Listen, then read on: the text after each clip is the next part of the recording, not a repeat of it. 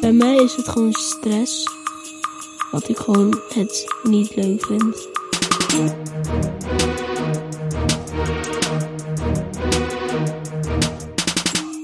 Ik vind zelf dat er geen beste manier van leren is.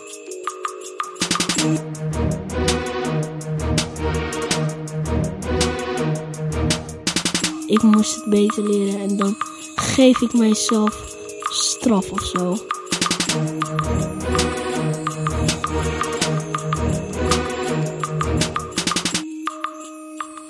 Uh, dames en heren, hartelijk welkom bij deze tweede aflevering van de podcast 88 Toetsen.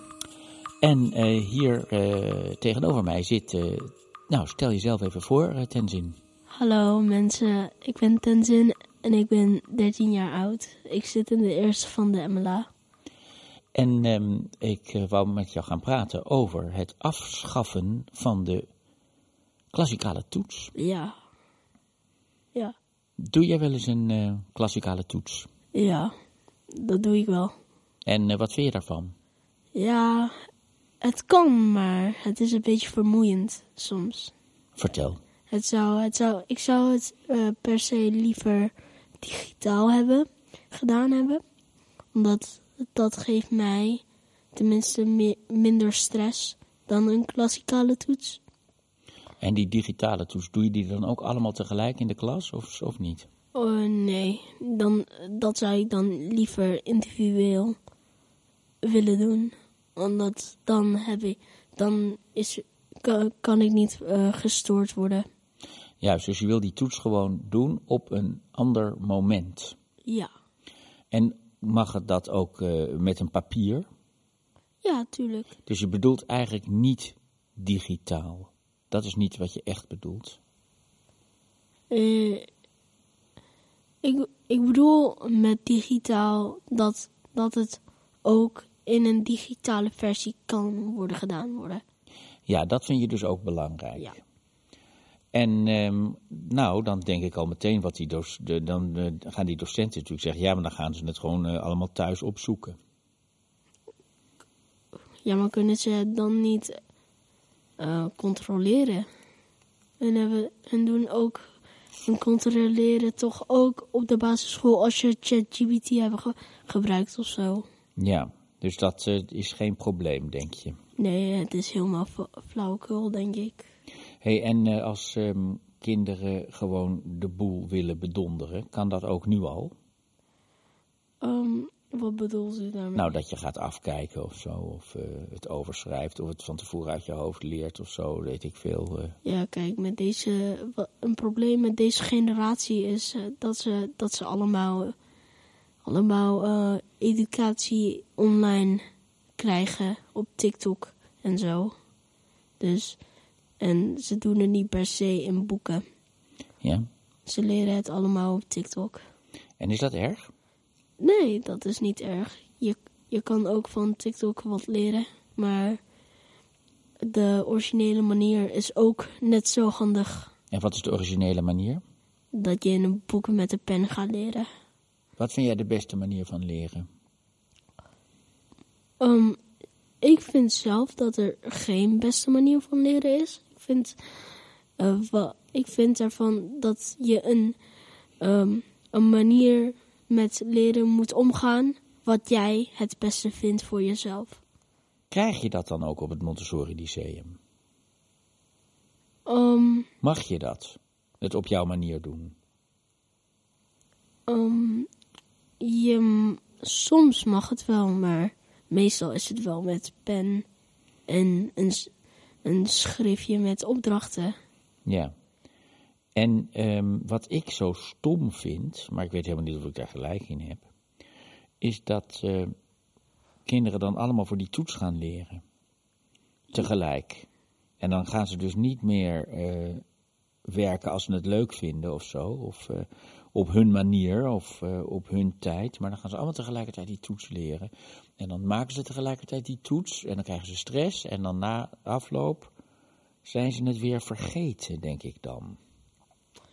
Ja, kijk, weet je wat het probleem is? de kinderen hebben, hebben gewoon, denk ik, een korte geheugen. Ja, Dat ze het niet goed kunnen, kunnen herinneren. Maar wat zij alleen maar aan denken is: oh, eh, krijg ik dan een goede cijfer of zo? wie, wie zijn zij?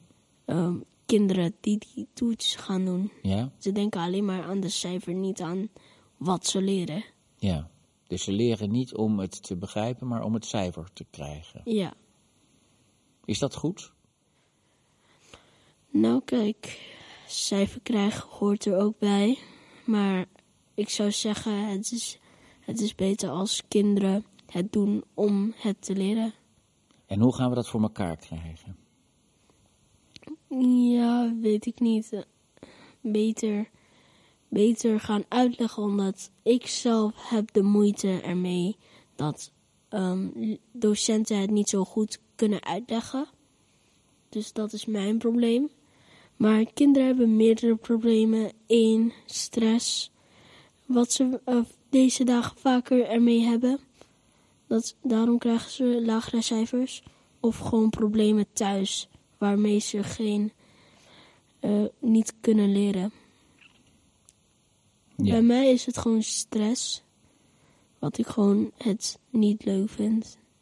Dus jij hebt stress. Ja, dat heb ik wel. Ik heb stress over dat ik het fout krijg. En dan krijg ik het fout en dan, dan denk ik, oh man, ik moest het beter leren. En dan geef ik mijzelf straf of zo. Wat voor straf? Dat, we, dat ik niet meer naar buiten mag of zo. Oh ja? Hoe vaak doe je dat? Ja, bij sommige toetsen. Dus dan heb je die toets niet goed gemaakt. En dan geef je jezelf straf, of van tevoren. Ik geef me straf na de toets. En wat is die straf dan? Dat je niet naar buiten mag? Ja, Of nog andere dingen ook? dat ik niet op mijn telefoon mag gaan. Ja? Dat ik niet met vrienden kan appen. Ja? Ja, dat. Na afloop. Ja, na afloop van die toets. En wat ga je dan doen als je niet op je telefoon mag en met je vrienden mag appen? Dan zit ik meestal in mijn bed te slapen. Maar het is niet zo dat je dan aan het leren bent. Nee. Wat ik eigenlijk wel moet doen. Ja. En als er nou eens geen klassikale toets zou zijn, of als je nou eens geen cijfer zou krijgen, geen Dan, plus of min zou krijgen, wat dan? dan zouden meer kinderen, denk ik, ga, niet gaan stressen over de cijfer. En dan gaan meer kinderen dus meer focussen op wat ze leren. Omdat hun, hun motivatie is meer, denk ik. Ja, Doordat de cijfer, doordat de cijfer niet bestaat. ja, Dat zou wel een aanrader zijn. ja. Maar bij de MLA is er wel een digitale neptoets waar, waar over een hoofdstuk dat je kan maken Ja. magister. En dat vind ik fijn. Dat is een neptoets. Ja, een neptoets. En als je die nep, dan ga je voor die neptoets ook stressen? Nou, die neptoets is, een net, neptoets is bedoeld om gewoon, gewoon voor jezelf te kijken, wat kan ik en wat moet ik verbeteren, verbeteren. Ja. Dat- Dus dan ga je oefenen voor de toets. Ja, dan oefen je voor de toets. Ja.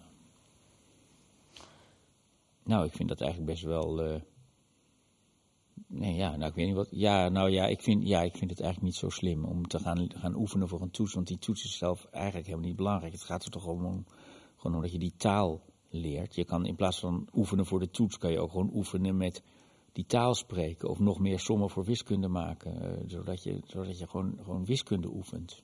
Laten we zeggen dat de, dat de toets helemaal afgeschaft wordt. Dat er helemaal geen toets bestaat. En dan? Dan leren ze meer, denk ik. Ja. Dan stressen ze minder. Dan geven ze meer aan de aan meer aan die leerstof dan de toets zelf. Ja.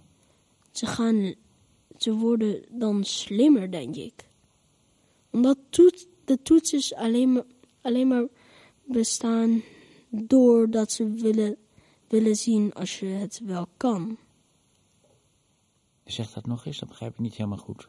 Ze hebben de, to ze hebben de toets gemaakt om te zien wat je kan. Ja? Dat is toch helemaal flauwekul? Je, je kan niet meteen na een paar oefeningjes op school meteen een toets maken en laten zien wat je kan. Je moet, hem, je moet er maanden of zelfs weken voor leren. Nou, dat heb ik tenminste. Ja. Dat je het echt weet, bedoel je? Ja. Ja, en dat kan ook gewoon blijken. Dat je het echt weet, kan er ook gewoon uit blijken dat je die taal dan kan spreken, bijvoorbeeld. Ja. Dat je even die taal gaat spreken voor de klas. Ja, of gewoon tegen de leraar, tegen de, Ja. die langsloopt, die zegt, eh, eh, kun je dit in het Frans zeggen? En dan eh, zeg je dat in het Frans. En dan denkt die leraar, oh, dat kan die dus wel. En dan schrijft hij in zijn boekje, oh, die, eh, die heeft het goed begrepen, de- dat meisje of die jongen. En dan zet hij er gewoon een plusje bij in zijn boekje. Ja. Niks te toets. Dat zou wel een leuke optie zijn dan een toets. Ja. Nou, ehm, dat was geloof ik alweer de podcast. Is er nog iets wat je wou zeggen? Eh, nee. Het is klaar? Oké. Ja. Eh, dames en heren, hartelijk bedankt voor het luisteren naar deze podcast, eh, de 88 toetsen. Met in de studio aanwezig Tenzin, met dus je achternaam. Nou hoeft eh, niet, weet ik niet, hoeft niet. Dankjewel en ehm, tot de volgende keer.